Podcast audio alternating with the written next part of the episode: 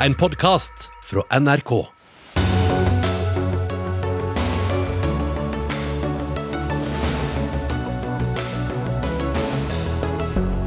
Barneombudet er svært kritisk til skolestenging, og skjønner ikke hvilke faglige råd regjeringen har lyttet til, om noen.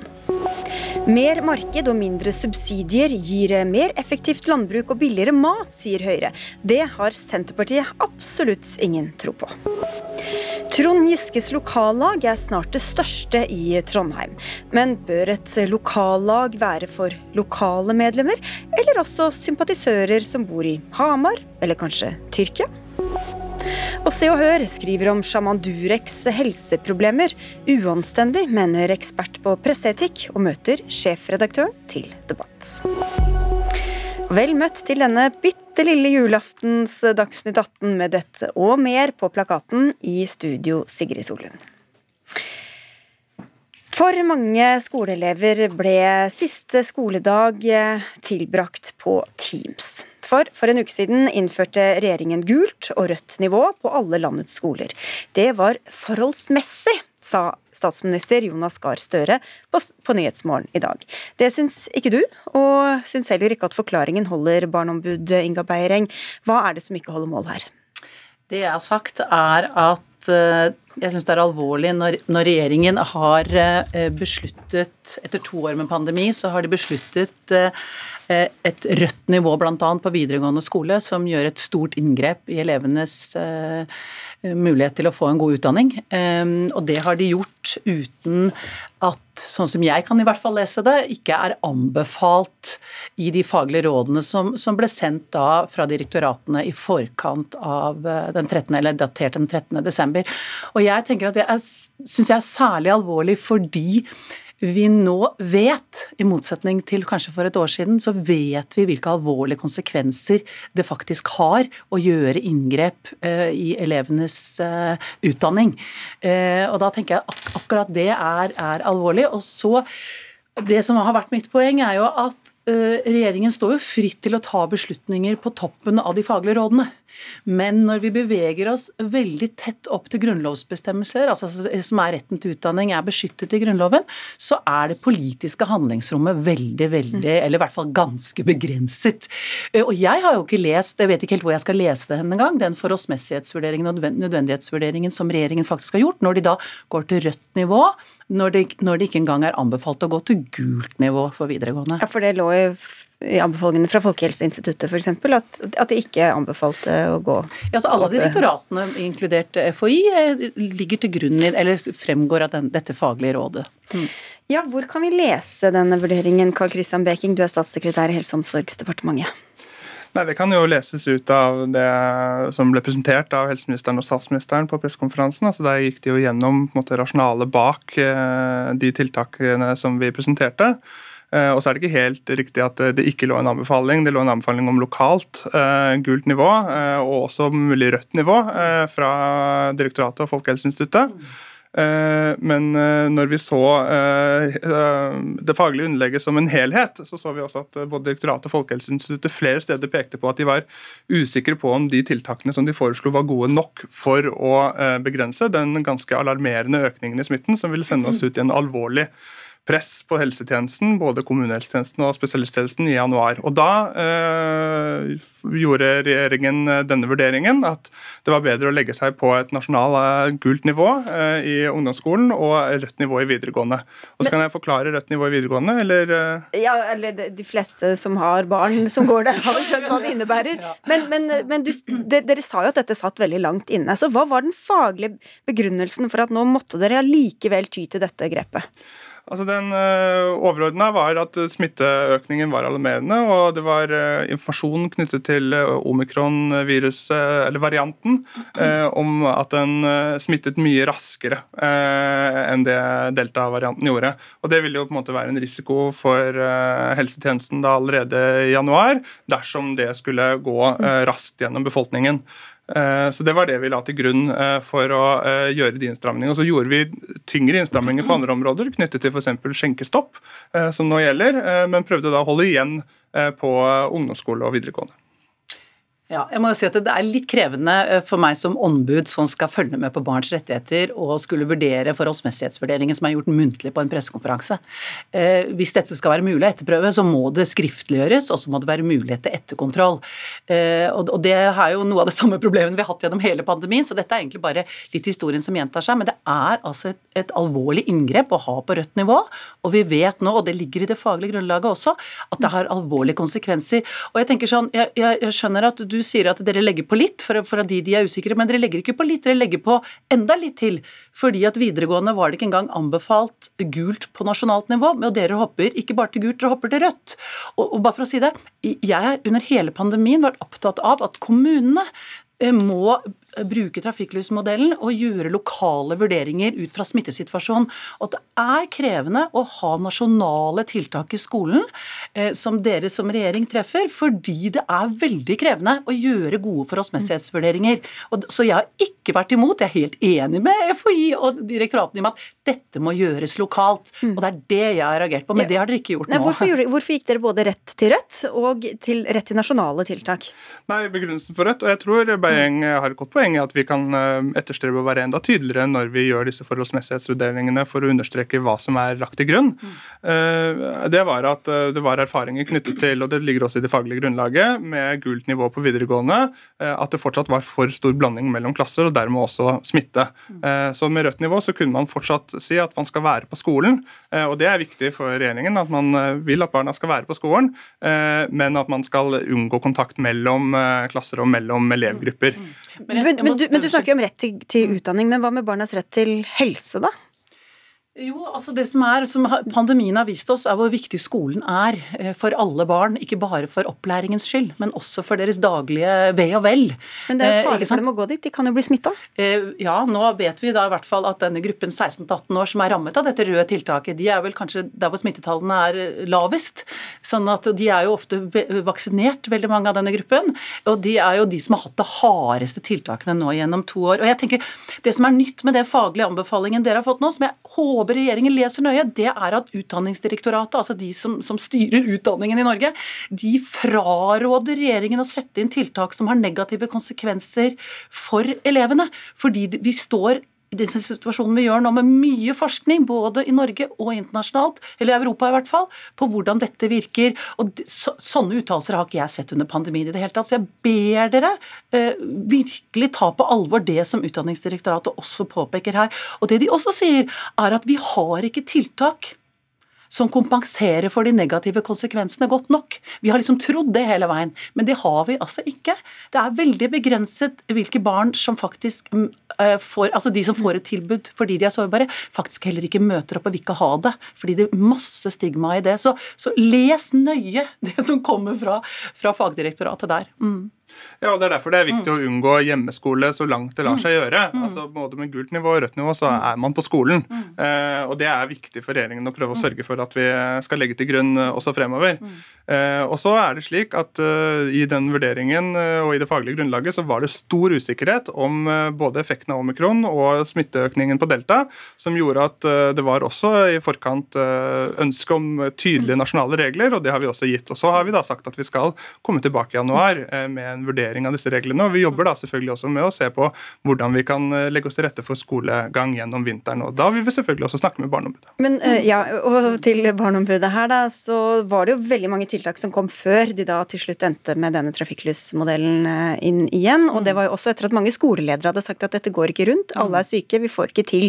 Hva, hva skal til, mener du da, for at man skal ha tiltak som også går ut for barn? nei, og jeg, hørte, jeg våknet jo til i dag at jeg var et, et virkelighetsfjernt barneombud som ikke skjønte at det var to kriser i norsk skole. Og det, og det jeg som barneombud er ha har god forståelse for at det er en bemanningskrise i skolen. Og i tillegg så har vi en pandemi. Eh, eh, og jeg tenker at Pandemien har satt flombelysning på mange svakheter i vårt samfunn som vi må ta tak i i fredstid når vi er ferdig med dette. Og Det kan bl.a.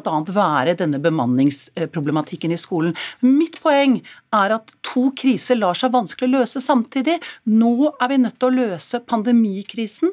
Og det jeg håper at regjeringen gjør, er å se på mindre inngripende, altså se på mindre inngripende tiltak enn å sende elevene på hjemmeskole.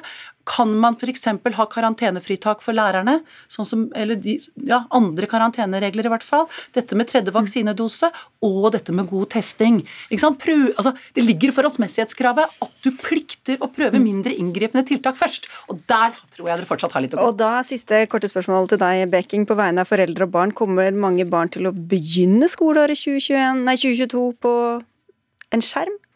Eh, ønsket vårt er at det skal de ikke gjøre. Vi prøver å skaffe tester eh, og sørge for at vi kan ha en eh, åpning av skoleåret på det samme nivået som nå. Og, og nå er det jo stengte på, skoler veldig mange steder, da. Men stengte skoler er ikke nødvendigvis rødt nivå. Det er en lokal vurdering når man ikke anser at det er mulig engang. Og det er en bemanningskrise. Det er et eget punkt og ikke knyttet til regjeringens råd. Ikke så veldig løfterikt eh, der, altså, men takk skal dere ha, i hvert fall begge to. Inga Beiring, barneombud, og Carl Christian Beking, som er statssekretær i Helse- og omsorgsdepartementet.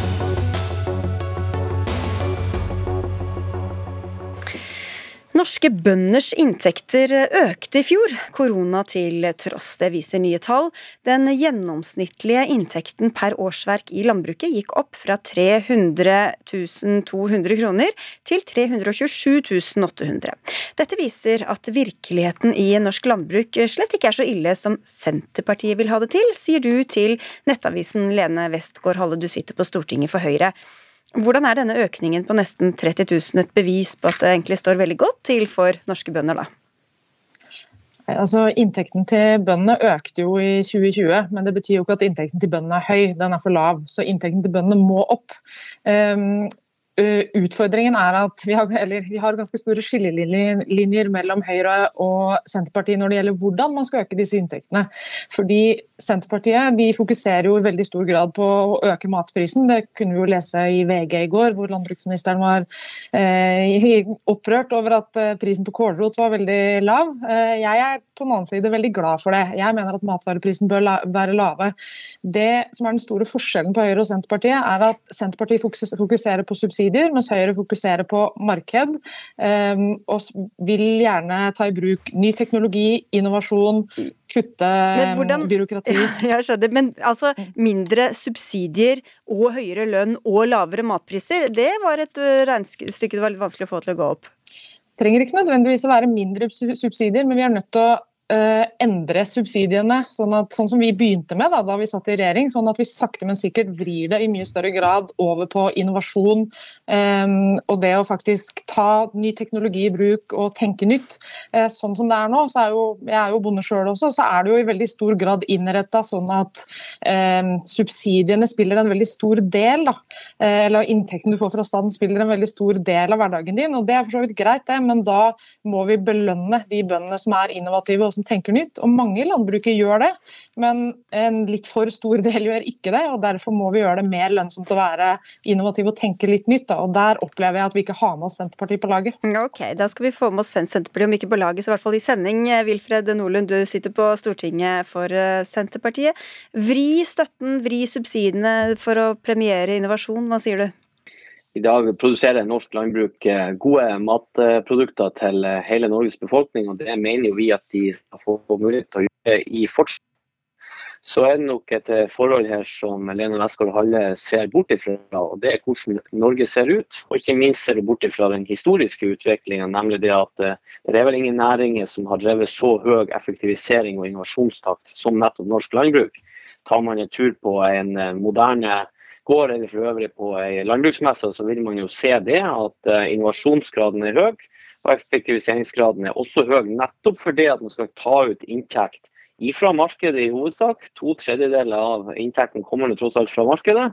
Og Det er det som gjør at norske bønder er næringsdrivende, og det er det som gjør at de skal kunne eh, være med og bidra til å oppfylle de overordnede målsettingene for jordbrukspolitikken nemlig i Norge. Nemlig at vi skal sikre landbruket i hele landet med de ringvirkningene det gjør, og ikke minst gi trygg norsk mat på bordet til forbrukerne til en overkommelig pris.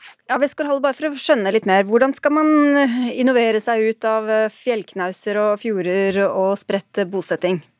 Mm. Det er veldig, altså jeg, jeg, har fått lov til å besøke mange bønder rundt omkring i hele Norge, og norsk landbruk er veldig forskjellig. Um, her i Vestfold, som jeg er fra, så er det veldig fint vær og veldig fin jord.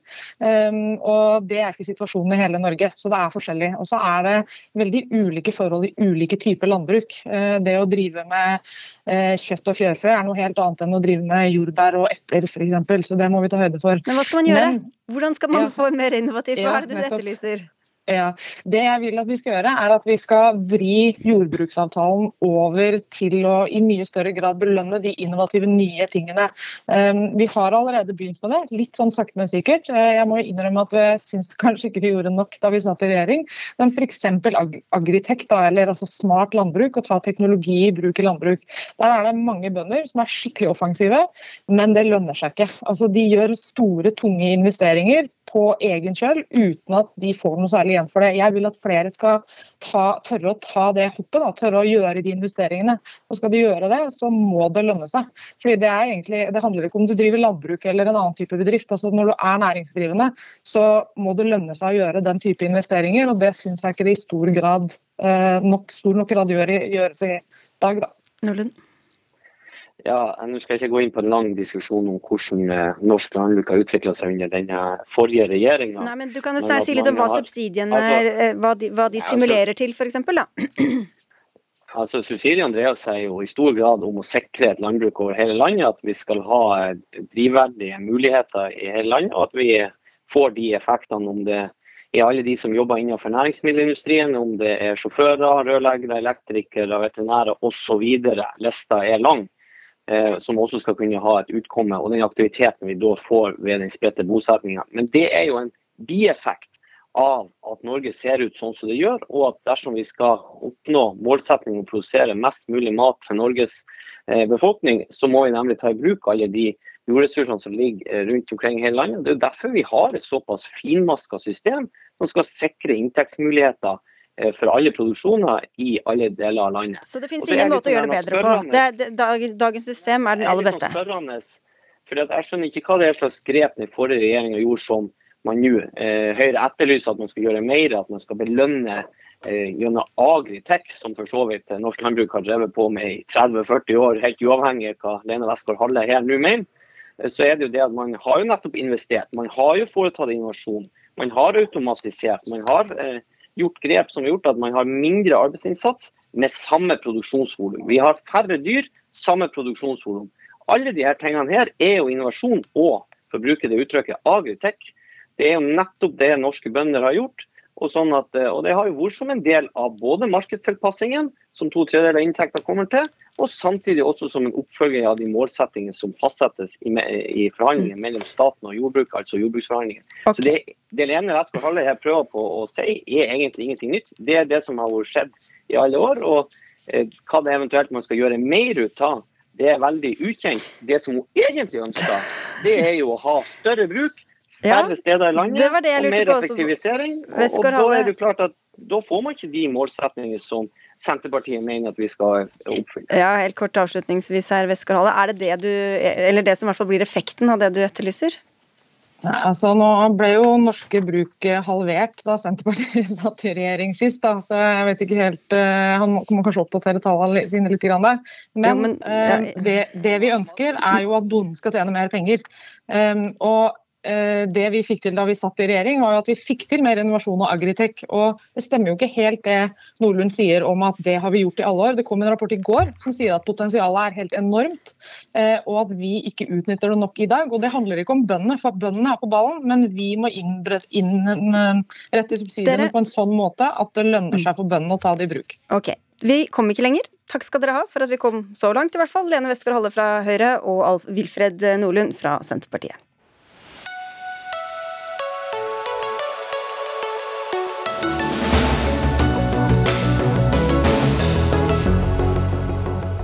Må jord og himmel møtes ble til at jord og drømmer må møtes da NRK sendte kirkelig julekonsert lørdag som var. Omskrivingen av Eivind Skeies 'Tenn lys' var bare ett av elementene som har hisset på seg deler av publikum. Kringkastingsorkesteret og andre artister holdt eh, konserten i Nordstrand kirke i Oslo. Blant gjestene var Jan Eggum som framførte 'Når en hedning feirer jul'. Vebjørn Selbekk, redaktør i avisa Dagen, du kritiserte denne konserten i din egen avis. Hva var det du mislikte av det du så? Nei, Det var jo først og fremst denne omskrivinga av uh, den kjære salmen uh, 'Tenn lys'. Uh, og Det var jo ikke bare jord og himmel som var bytta ut med, med, jord og drømmer, men det var jo hele det fjerde verset var jo også omskrevet. Så det var jo altså en salme som var helt uh, tømt for uh, kristent uh, innhold. Og når det da er gjort uten at opphavsrettspersonen er kontakta, så syns jeg jo det er en ganske pinlig tabbe av en så profesjonell aktør som som NRK. Det er jo et, et brudd på åndsverksloven. og Eivind Skeie, som, som, er opphavsmann, har jo sagt at han ville jo ikke ha akseptert den typen eh, omskriving av denne eh, salmen. Ja, Tor Emren Eriksen, kringkastingssjef, hvorfor ble det som det ble under denne konserten? Nå er det jo Først og fremst var det en nydelig konsert som jeg har fått veldig mange gode tilbakemeldinger og gode Jeg tror det var en fin opplevelse i Nordstrand kirke. Og så er det jo sånn at det å skrive om sånne sanger og salmer er ganske vanlig. At, at artister gjør det. Men det er helt riktig som Vebjørn Selbekk sier, at da skal opphavsmannen eh, spørres. Og det er det i utgangspunktet artistene sitt eh, ansvar å gjøre. I dette tilfellet var det to veldig unge, flotte artister fra, fra Fargespill uh, som uh, kanskje ikke hadde tenkt seg godt nok om, og så hadde spurte de på settet, og så ga de folkene som var der, et, et dårlig råd. For det, det, er helt riktig at dette er et brudd på, på åndsverksloven, men det er det det er. Og utover det så, så syns jeg dette er en fillesak, med det forbeholdet at Eivind Skeie, for han skjønner jeg at det ikke er en fillesak. Ja, for er det, bare, er det åndsverksloven? Det er vel ikke det store her, altså bare det du kritiserte, Selbekk? Nei, altså nå må jeg si at jeg syns det er veldig bra at NRK beklager, og det nye som har skjedd i dag, er jo at man også etter eh, at Eivind Skeie, Skeies eh, ønske her, så har man jo også fjerna det fra fra NRK-spilleren, ja, eh, men... det innslaget. Så, det, så der syns jeg NRK så det, så... Ja, det, ja, det, men det, det er noe så. Men, du, men, du, men du, tolker jo, du, tolker jo, dette også. Du skriver jo i lederen din at NRK gir avkristningen et ansikt. Ja, og det, det syns jeg. Og det, som jeg, det som jeg mener, da, det er at denne saken også er uttrykk for et litt, litt mer sånn eh, viktigere og, og overgripende trend. da at i takt med at Norge blir mer eh, flerkulturelt og mer multireligiøst, så virker det eh, for meg som at eh, julas egentlige innhold er i ferd med å bli noe mer kontroversielt. da og at man velger det bort. Altså det som, man for eksempel, ja, som man f.eks. gjorde på denne julekonserten. Har du flere eksempler? Ja, altså Hvis du f.eks. ser NRKs tilbud for barn foran jula, så syns jeg jo at grunnen til at vi feirer jul, er jo mer eller mindre eh, kjemisk eh, borte fra, fra det tilbudet.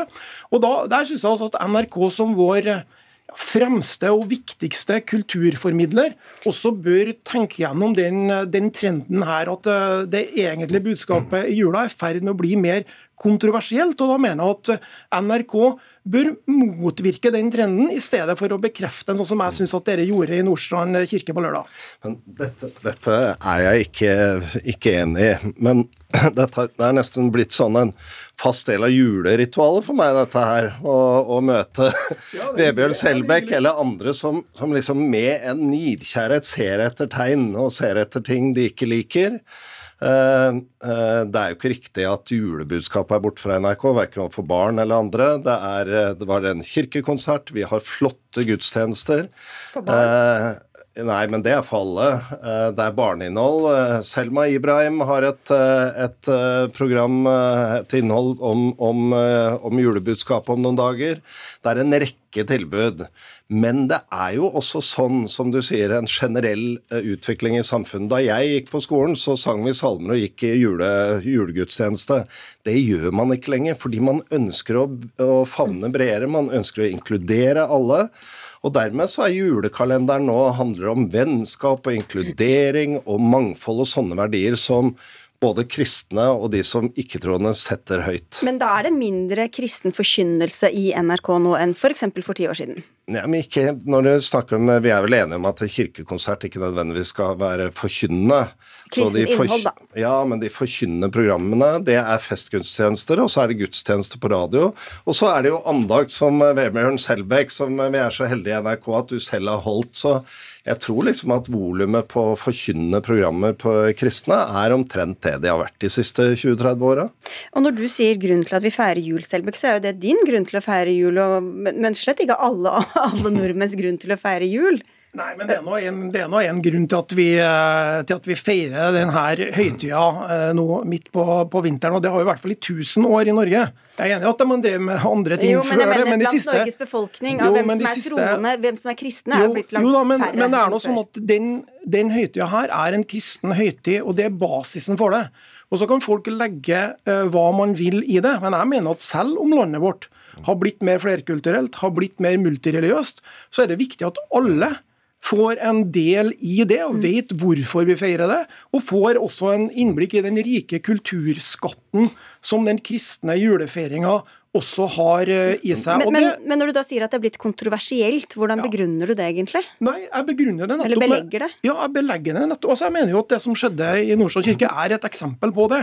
Når det kommer en etnisk uh, gruppe inn der, og, og, hvorfor de ikke ønska å fremføre den originale teksten, det vet jeg ikke. Men det ble i hvert fall omskrevet, og den ble helt tømt for kristent innhold mot opphavsrettsmannens vilje.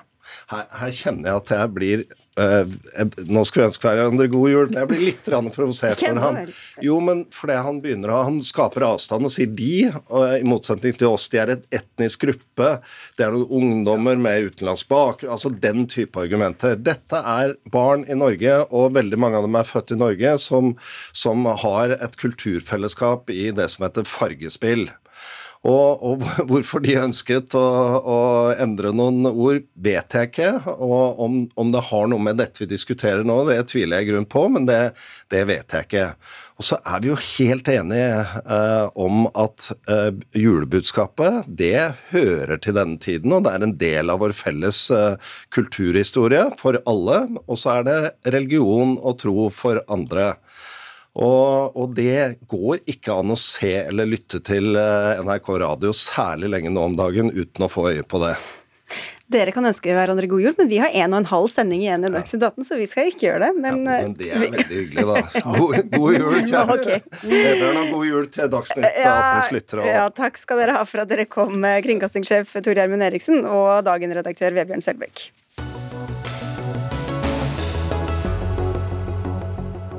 Trond Giske er i ferd med å bli på ny en maktfaktor i trondheimspolitikken. Hør hvorfor og hvordan mot slutten av Dagsnytt 18, som altså har en halvtime igjen, og har sending i morgen også, eh, som man kanskje ikke skulle tro ut fra god jul-ønskingen her.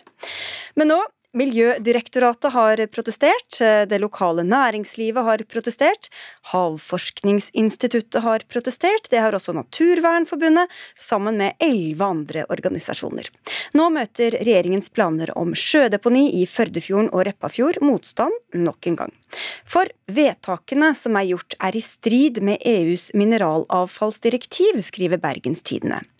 Og Naturvernforbundet-leder Truls Gullofsen, dere var en av organisasjonene som klaget Norge inn til ESA, altså EUs klageorgan. Og hva ligger i dette vedtaket som dere fikk til svar? Ja, er, vi er veldig fornøyd med at ESA gir oss rett i, i klagen. Eh, og Det som er hovedelementet i det, er at det norske saksbehandlingen av gruvesøknadene ikke har fulgt eh, retningslinjene i mineralavfallsdirektivet, som har vært norsk lov siden 2012. Eh, og Et veldig sentralt element der, som ESA og vi påpekte at man har brutt i Norge, det er at man har gitt tillatelse til å etablere deponier, i dette tilfellet eh, på fjordbunnen, uten at man samtidig som en integrert del av prosessen har sørget for at det skal være en avfallshåndteringsplan med minimering som viktigste element. Eh, til grunn for å se om man trenger å deponere noe, og eventuelt hvor det skal deponeres. Altså Hvis man gir tillatelse, så må man samtidig sørge for at det blir minst mulig avfall, er det det du sier? ja, for at man skal kunne gi en tillatelse, må man ha gått grundig gjennom hvordan man skal sørge for at det blir minst mulig som eventuelt skal sluttdeponeres et eller annet sted. Og det har Og I altså begge disse tilfellene Ja. så har det i kravet ikke blitt stilt, og man har, man har tatt som utgangspunkt at man skal lempe alle problemene rett i sjøen. Så hva gjør dere nå, Alexander Øren Heen, du er statssekretær i Klima- og miljødepartementet?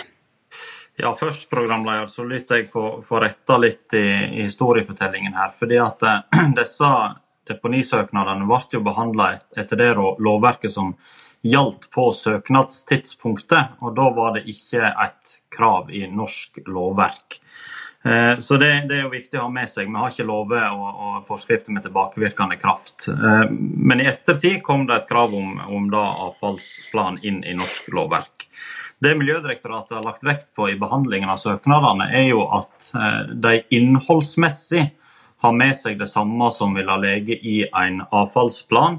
Og det er òg krav om en avfallsplan som skal godkjennes av Miljødirektoratet før aktiviteten starter. Så det du sier er at, at man har på en måte fulgt regelverket selv om man ikke trengte, det, men at det i praksis er det samme?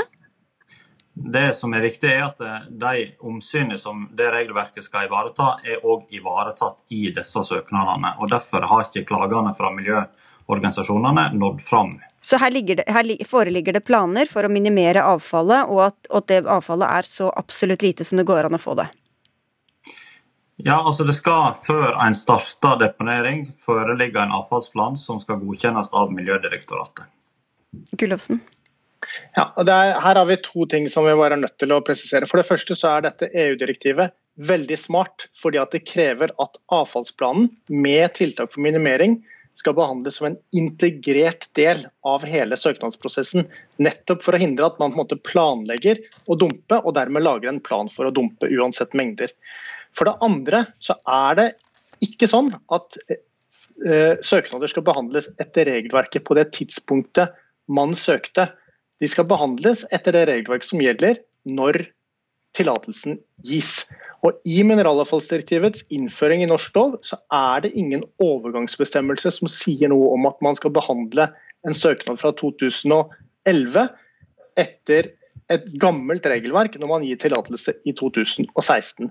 Så her har dessverre eh, Hen fått feil beskjed fra sine folk i departementet. Og det fine med nye regjeringer er jo at de kan rette opp i feil som gamle regjeringer har gjort. Og det oppfordrer jeg dere til å gjøre. Hen?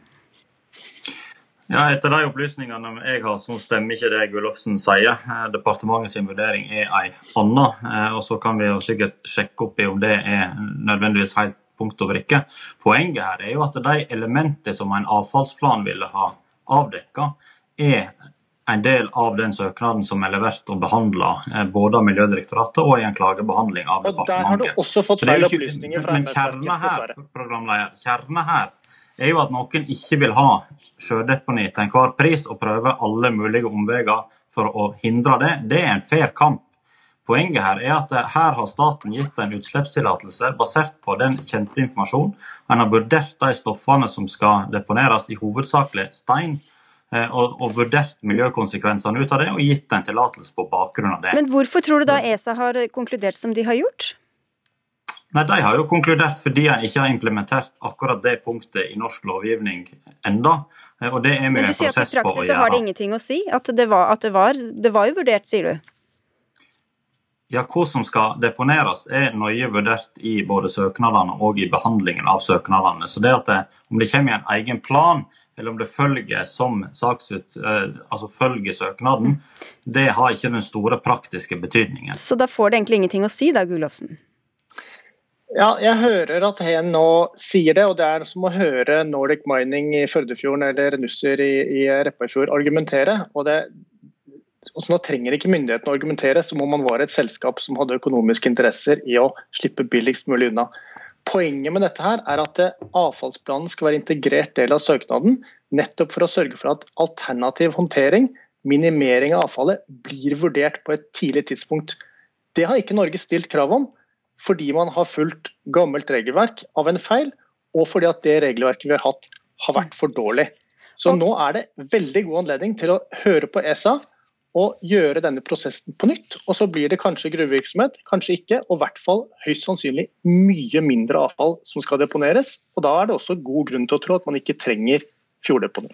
Men imens er det altså fjorddeponi og gruvedumping i sjøen eh, som Norge altså bare er ett av tre land i hele verden som driver med, og det blir nå ingen konsekvenser av dette, eller hva er hendt til slutt her? Nei, det, det, er jo slik at En alltid prøver å minimere mengden som skal deponeres. og Det er jo litt redusert òg her. Eh, altså En har jo hatt prosjekt på hvordan bruker de reststoffene. Eh, og det at Norge er én av tre, ja, det er fordi at vi har en topografi. Vi har noen dype fjorder som gjør at dette er mulig, og det er det ikke andre land. Og så er jo Alternativet til fjorddeponi er å legge disse massene på land eh, med den avrenningen du vil få da. Så det er jo ikke problemfritt, det alternativet eh, som blir pekt på her heller. Og da er vi inne i en litt annen del av denne diskusjonen, så da sier jeg takk i denne omgang Truls Gullofsen fra Naturvernforbundet og Alexander Øren Heen, statssekretær i Klima- og miljødepartementet.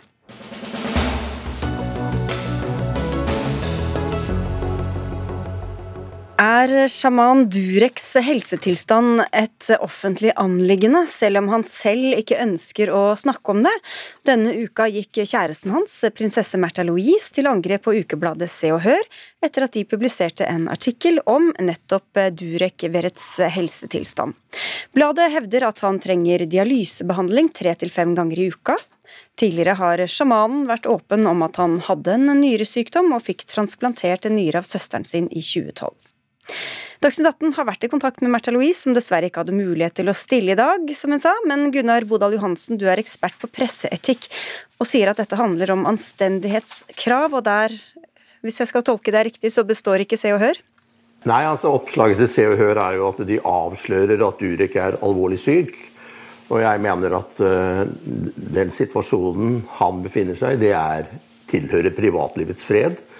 Og jeg mener at Se og Hør ikke skal gå inn og omtale menneskers sykdom på denne måten. Det er helt normalt i pressen at vi er veldig varsomme med å tråkke over grensen for det vi kan kalle privatlivets fred. Og Det mener jeg Se og Hør gjør i denne sammenhengen her. Jeg har ikke noe imot at Se og Hør skriver kritisk om Durek og Märtha og deres aktiviteter. Det har jeg berømmet Se og Hør for tidligere. Men her mener jeg grensen går. Ulf André Andersen, du er sjefredaktør i Se og Hør. Hvorfor skriver dere dette? Eh, I utgangspunktet så er jeg jo enig med Bodal Johansen om at eh, helseopplysninger er eh, private, men i den saken er helt spesiell, for det Durek selv har i en lang periode hevdet at han kan helbrede alvorlige sykdommer. Og da mener vi at det er på sin plass å fortelle at Durek er syk og ikke klarer å helbrede seg selv, og at han har søkt offentligheten rundt dette her. Det har han gjort gjentatte ganger, og hevde at uh, han kan helbrede alvorlig syke. Og jeg er syk selv, jeg er alvorlig syk. Jeg mener at det er på sin plass at uh, folk får vite at han ikke kan helbrede seg selv, og at det ikke finnes noen mirakelkur. Og Det mener jeg der er offentlig, offentlig interesse, og at uh, det er et krav at vi forteller om det. Men Hvordan vet dere at det er sant, da? Det er ikke noen som har bestridt at det ikke er sant. Så det, det er jo ikke det vi debatterer her. Nei, men allikevel. Altså, det er jo ingen som har sagt at det er sant heller. Vi har jo da selvsagt fulgt med på dette her ganske lenge, og vet at det er sant. Ja, Med denne bak, dette bakteppet, Bodal Johansen, om hans Tidurek tidligere, tidligere um, uttalelser, hvorfor eh, er det likevel ikke greit da at man skriver om dette? Nei, Først og fremst fordi man skal være veldig varsomme med å skrive om menneskers sykdom. Altså, det er jo to betingelser for at man kan kunne gjøre det. Det ene er jo at uh, vedkommende selv ønsker å stå frem. Uh, og Hvis det da er en offentlig interesse knyttet til det, så, så, kan man jo skrive om det. Eller at personen har en så sterk offentlig interesse. Uh, han har en funksjon i samfunnet som gjør at det er naturlig å skrive om det. Men det er jo langt unna det her når det gjelder Durak. Altså, han har jo selvfølgelig satt seg i en vanskelig situasjon. Han er sårbar. Nettopp fordi han har uttalt seg sånn som han har gjort. Men jeg mener at det rettferdiggjør ikke at man går inn i den konkrete situasjonen og skriver om sykdommen. Altså, Durek, hvis, skulle, hvis han ville stå fram med dette, så måtte han gjøre det i den konkrete situasjonen.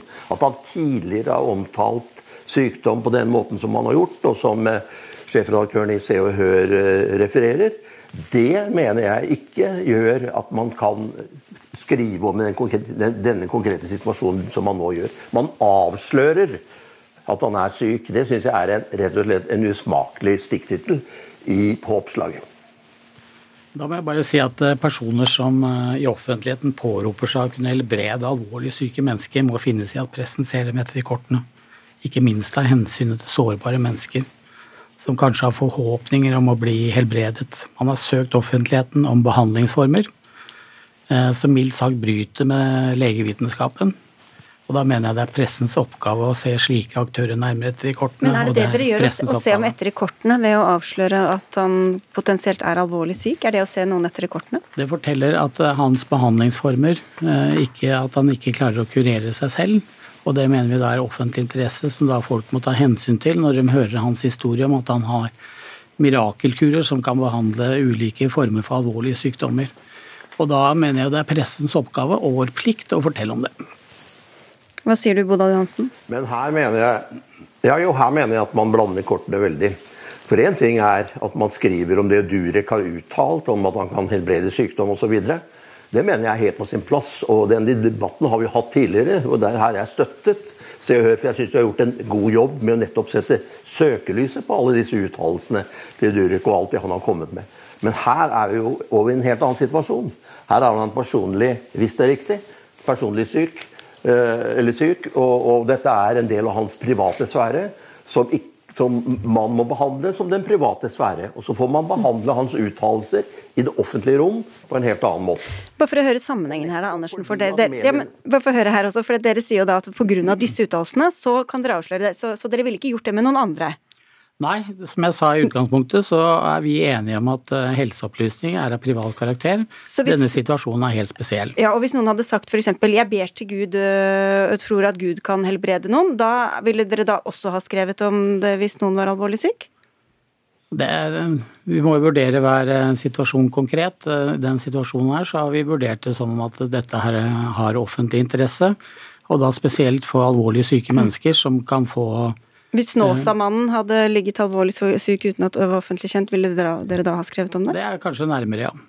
Ok, Men dere, da, dere bestemmer da hvem som har på en måte vært kontroversiell nok, eller sagt kontroversielle nok ting? Det blir jo en konkret, konkret, vurdering i hver sak. Og som jeg har sagt, denne saken er spesiell. Vi, jeg er enig med Bodal Johansen at helsemessige helsemessige da, opplysninger på personlig plan i utgangspunktet ikke er noe som offentligheten har noe med, eller pressen har noe med.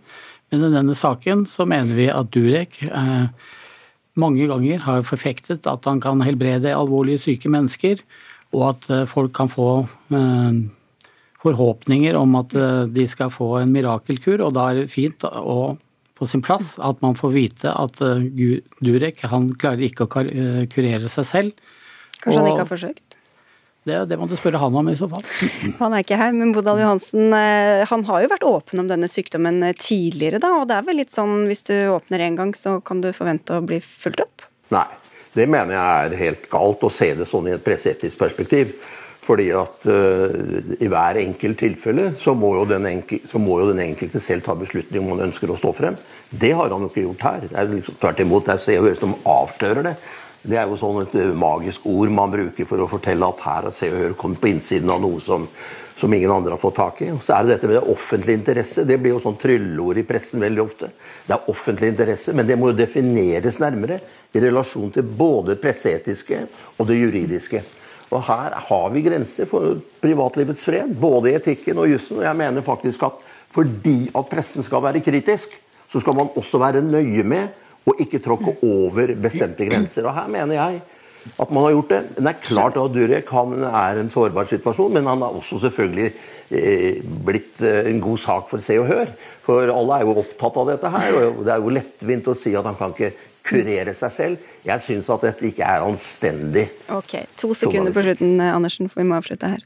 Jeg mener at det er pressens oppgave å se slike aktører nærmere i kortene, og at det er vår plikt å gjøre det, og det er vår oppgave. Ok, Takk skal dere ha begge to, Ulf André Andersen, sjefredaktør i Se og Hør, og Gunnar Bodal Johansen, som altså er ekspert på presseetikk.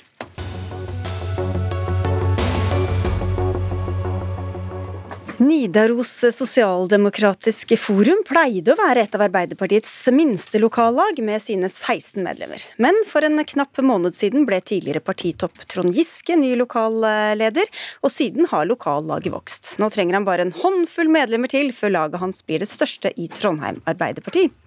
Med sine rundt 200 medlemmer kan Giske endre balansen i trondheimspolitikken, og flere stiller seg kritiske til det skriver Adresseavisen i dag. For lokallaget har ikke bare tiltrukket seg lokale medlemmer, men også folk som bor i f.eks.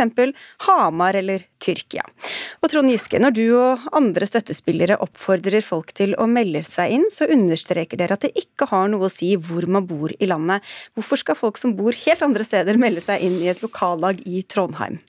Jeg må først si det at Vi fra lagets side knapt har gjort noe som helst for å verve medlemmer. Vi har bare kunngjort at vi har starta opp og så har vi hatt en helt uh, eventyrlig vekst. Det har vært utrolig inspirerende. Folk har meldt seg inn, hovedsakelig fra Trondheim. De aller, aller fleste trøndere. Og så har vi kanskje en 20 eh, som ikke er trøndere. Det er jo sånn reglene er, at du kan melde deg inn fra andre steder, men vi har ikke gjort noe aktivt for å verve folk andre steder. Vi er et lag i Trondheim og er tydelige på det. Noen er jo kanskje mer aktive enn deg, da, men hvorfor tror du at de har eh, kommet nå, da? Jeg har jo ringt eh, snart halvparten av medlemmene og snakka med hver og en av dem. Eh, og det de sier, er at de syns det er spennende at dette er et lag som ikke først og fremst skal jobbe med byreguleringssaker og lokale spørsmål. Vi skal ta de store linjene, vi skal ha ideologidebatt, vi skal se verdispørsmålene. Første tema vi skal ta opp eh, når koronaen tillater det, å ha et møte, det er strømkrisa. Ikke kompensasjon og pakker, men hvordan i all verden har vi stelt oss sånn at strømprisen i Norge har blitt helt markedsstyrt og varierer fra 60 øre til 6 kroner. Vi skal ta opp eh, Nav-systemet. Vi har flere i laget som er uføre, som er veldig opptatt av det. Vi skal ta opp eh, Ok, En, en høyere himmel enn ja, bare den trønderske? Ja, og jeg, jeg, tror folk har et savn etter å, å diskutere framtida si og de store spørsmålene. Lage politikk nedenfra. Eh, være med å engasjere seg. Og de aller fleste jeg snakker med, er med i et parti for første gang. Jeg syns det er rett og slett rørende at de vil være med. Det, det er det beste i demokratiet, at folk er med å styre sjøl. Det er ikke alle som er like rørt. Heidi Linge, du er leder i Charlottenlund Arbeiderlag, altså et annet lokallag i Trondheim. Og du gikk tidlig ut og stilte deg kritisk til denne rekrutteringen i Adresseavisen. Hvorfor, hvorfor gjorde du det? Eh, først vil jeg jo si at Jeg er jo enig med Trond at det er kjempebra at Arbeiderpartiet får eh, flere nye medlemmer, flere som ønsker å engasjere seg, ha verdidebatter. Det har vi etterlyst eh, flere ganger i Trondheim Arbeiderparti.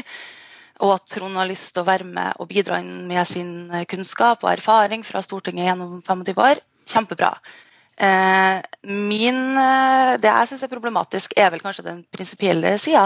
At medlemmer som sågar ikke bor i Trondheim eller i, i, Norge, for den saks skyld, er med å styre den politiske utviklinga i mm. Trondheim.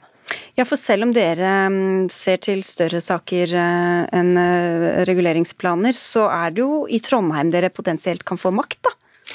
Ja, vi må jo spille inn de sakene våre, som vi f.eks. mener at strømmarkedet skal organiseres på en annen måte. Jo, jo, men, men, men, eller vi skal gjøre noe med frafallet i skolen. Dere vil jo få reguleringsplaner også makt eller, altså, i, i, gjennom Arbeiderpartiet. Da. Og hvorfor skal folk som bor helt andre steder i Norge få lov å bestemme over men, la meg si først da, at For det første så er det veldig sjelden at det er dype konflikter i sånne saker i et kommuneparti. Jeg oppfatter jo stort sett at vi er på samme lag, og at vi får 200 nye medlemmer på det laget om de er i Charlottenlund hos eh, Hedi Linge eller i Nidaros, det styrker jo sjansene våre for at vår politikk om skole eller omsorg foran skattekutt styrer byen i årene som kommer. Eh, hvis det var en veldig skarp votering, så kunne kanskje et eller 20 medlemmer utenfor byen eller utenfor Trøndelag ha avgjørende eh, betydning, men jeg har aldri opplevd eh, så skarpe voteringer i Trondheim Arbeiderparti på de 37 årene jeg har vært medlem, så jeg ser det som en veldig hypotetisk og konstruert problemstilling. For høre, Linge, for alle som ikke er helt inne i, i lokalpolitikken, hvordan kan man bli en maktfaktor gjennom et sånt stort lokallag? Eh, det er jo en grunn til at vi snakker om antall medlemmer i, i lokallaget. Eh, fordi at antall medlemmer vil jo si at eh, hvor mange representanter du har inn i representantskapet, som da er det høyeste organet i Trondheim Arbeiderparti, og er med å bestemme og sette føringer. F.eks. hvordan skolestrukturen vi mener skal være i Trondheim, eller hvem som skal være neste ordførerkandidaten. Vi har med flere her også. Jo Sagli, du er forsker ved Institutt for samfunnsforskning, og du sier også til Adresseavisen i dag at det er et prinsipielt problem at medlemmene bor andre steder enn der eh, politikken skal utøves. Hvor ligger det prinsipielle problemet? Ja, jeg er jo enig i at det er eh, en bra ting at folk engasjerer seg politisk. Eh, men det som kan være problemet her, er jo at det, det samme som Linge sa i stad, at mye av det som et kommuneparti gjør, det, det har jo betydning for kommunepolitikken. Og da kan det være et problem hvis Eh, folk som ikke har noen tilknytning til eh, byen, eh, engasjerer seg i, i lokallaget. Så kan vi jo ikke ha vi kan ikke kontrollere at folk er folkeregistrert i, kommunen for at de skal melde seg inn. Det jo, kan være gode grunner til å eh, være medlem selv om man ikke bor der, hvis man har en tilknytning til byen. Men det at, at folk uten noen tilknytning til kommunen melder seg inn, er kanskje litt mer spesielt. Du har jo bl.a. et medlem fra Stavanger, Trond Giske, bosatt i Tyrkia, som rekrutterer aktivt til eh, lokallaget ditt? Ja, Hvis du er nordmann da, og bor i utlandet så ønsker å være med i et parti, så har du full anledning til det. Og Det er jo ikke akkurat så veldig lett å si nøyaktig hvilket lokallag man skal være med i. Det er eh, folk sjøl som har valgt, og det er folk sjøl som bestemmer. Og jeg syns egentlig at det er en grunnleggende demokratisk verdi at folk får, får styre sitt eget politiske engasjement. Og så ser jeg at hvis dette blir et gedigent lag, eh, med bare medlemmer utenfra, så kunne det vært et problem, men det er konstruert. Vi, har altså, vi, vi, vi er altså 200 medlemmer av 2000 i Trondheim Arbeiderparti. Vi har 20% av dem er da utenfor eh, Trøndelag eller ikke trøndere. Eh, det for det siste og, og, 40 ja. og, og, i tillegg skal vi ikke konsentrere oss om disse Trondheimssakene, vi skal ta de store nasjonale verdispørsmålene. Men hvis det er det dere skal konsentrere dere om, hvorfor kan dere ikke heller lage om ikke en tenketank, eller en annen form for uh, sammenslutning som ikke går direkte inn i lokalpolitikken? En tenketank er jo fundamentalt udemokratisk. Det er jo ansatte som sitter og lager politikk. Jeg skal gjøre dette på helt frivillig basis. Jeg blir spurt om å være leder i et lag med 16 medlemmer. Tre uker etterpå, uten at vi har gjort noe for å verve, er vi 160. Nå har vi passert 200. Disse medlemmene er det som skal bestemme i det laget. De skal få lov å være med på formpolitikk.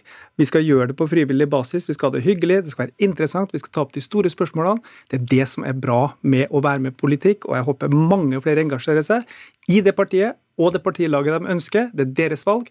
Om det er et annet parti, helt greit. Om det er et annet partilag. Men hvis de vil være med i Nidaros Sosialdemokratisk Forum, så finner de oss på internett. Og det er jo flere som har uttalt at de aldri har vært politisk aktive, sa Giske her. Heidi Linge, så er det ikke større problem at folk ikke engasjerer seg, enn at de melder seg inn i et lokallag langt unna der hvor de bor?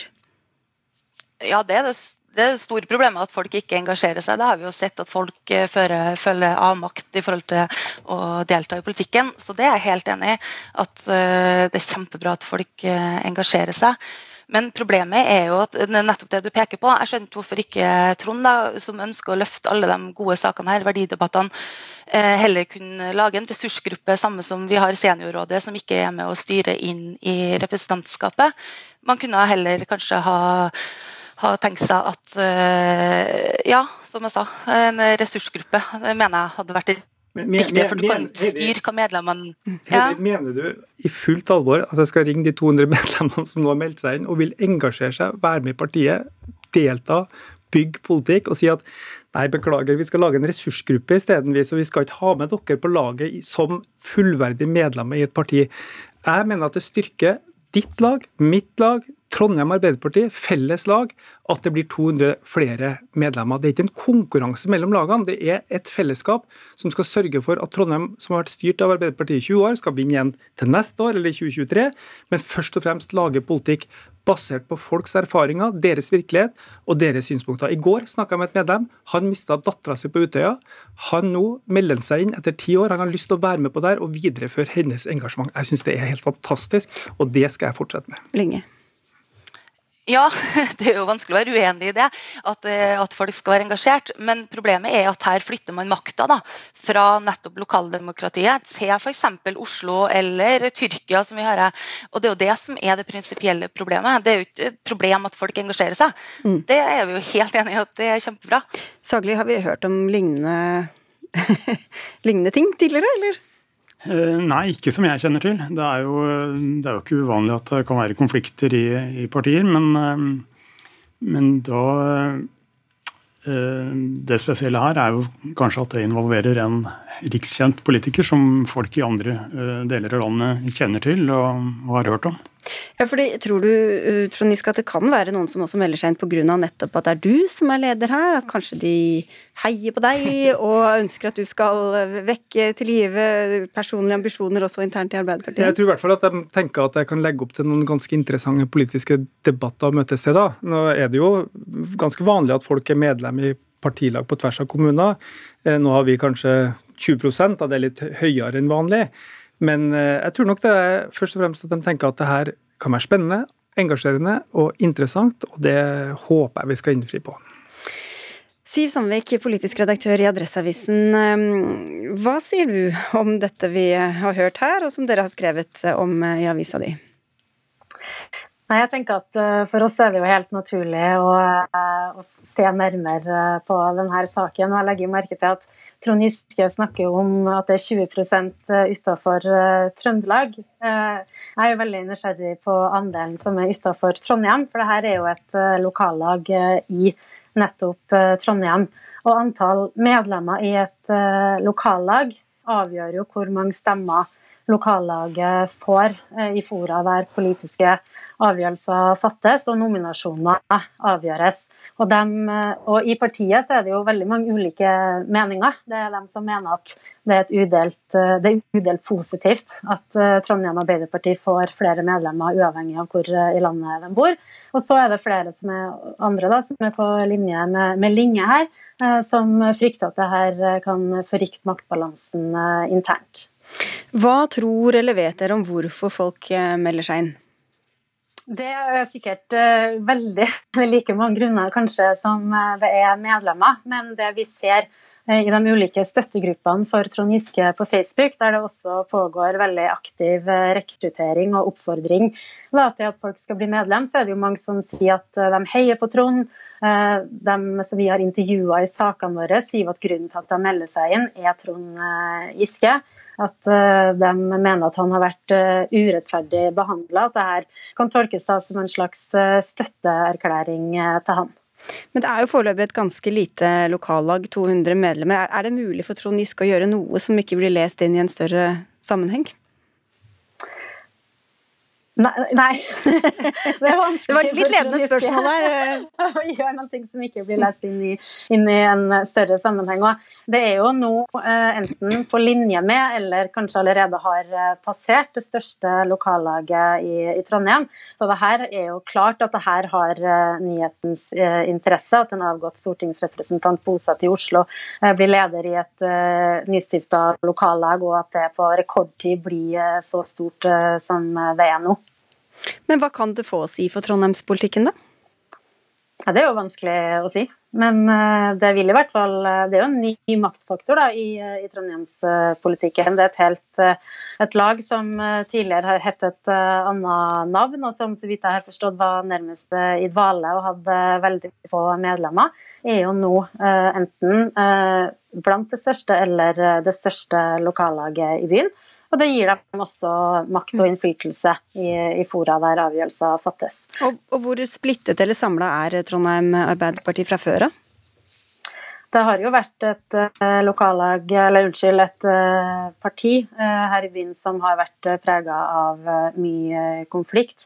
Vi husker jo hvordan, hvor mye styr det var da Rita Ottervik nærmest tvihold, sådd så tvil om hun ville være ordførerkandidat ved, før valget sist, fordi det var så mye uenighet knytta til nominasjonsprosessen der. Så har det også vært eh, mye konflikt knytta til AUF. Det har vært stilt spørsmål til den eh, tikronersmedlemskapet der. og Der har jo bekymringa hos dem som har vært mot det her tikronersmedlemskapet, nettopp vært at AUF gjennom såkalt lettkjøpte medlemmer får for mye makt uh, i, i, partiet. Trond Giske, er du redd for å skape mer splittelse, eller? Nei, jeg håper vi skal lage god politikk. Og jeg kan forsikre for det første om at alle våre medlemmer er uh, ekte og betaler sjøl. Eh, og jeg håper at vi skal være på lag. Og jeg syns det er litt trist at altså Adressa må jo selvfølgelig være kritisk til meg og til Arbeiderpartiet, men når de lager et oppslag hvor det at masse folk melder seg inn og engasjerer seg politisk, blir fremstilt som noe ille fordi de har meldt seg inn i feil partilag på tvers av kommunegrenser eller fylkesgrense, da syns jeg det er trist. Jeg sier ikke at media skal heie på Arbeiderpartiet, men de skal heie på politisk engasjement, og at folk deltar. Det mener jeg de bør møte på en mer positiv måte. Og nå snudde vi helt, så nå fikk du kommentere den politiske kommentatoren. Det var sikkert Det var veldig deilig for en gangs skyld. Takk skal dere ha alle sammen, Trond Giske, Heidi Linge, Jo Sagli og Siv Sandvik. For Dagsnytt 18 er ved veis ende, men vi er tilbake i morgen med siste sending før jul. Gro Arneberg, Eli Kyrkjebø og Sigrid Solund takker for følget.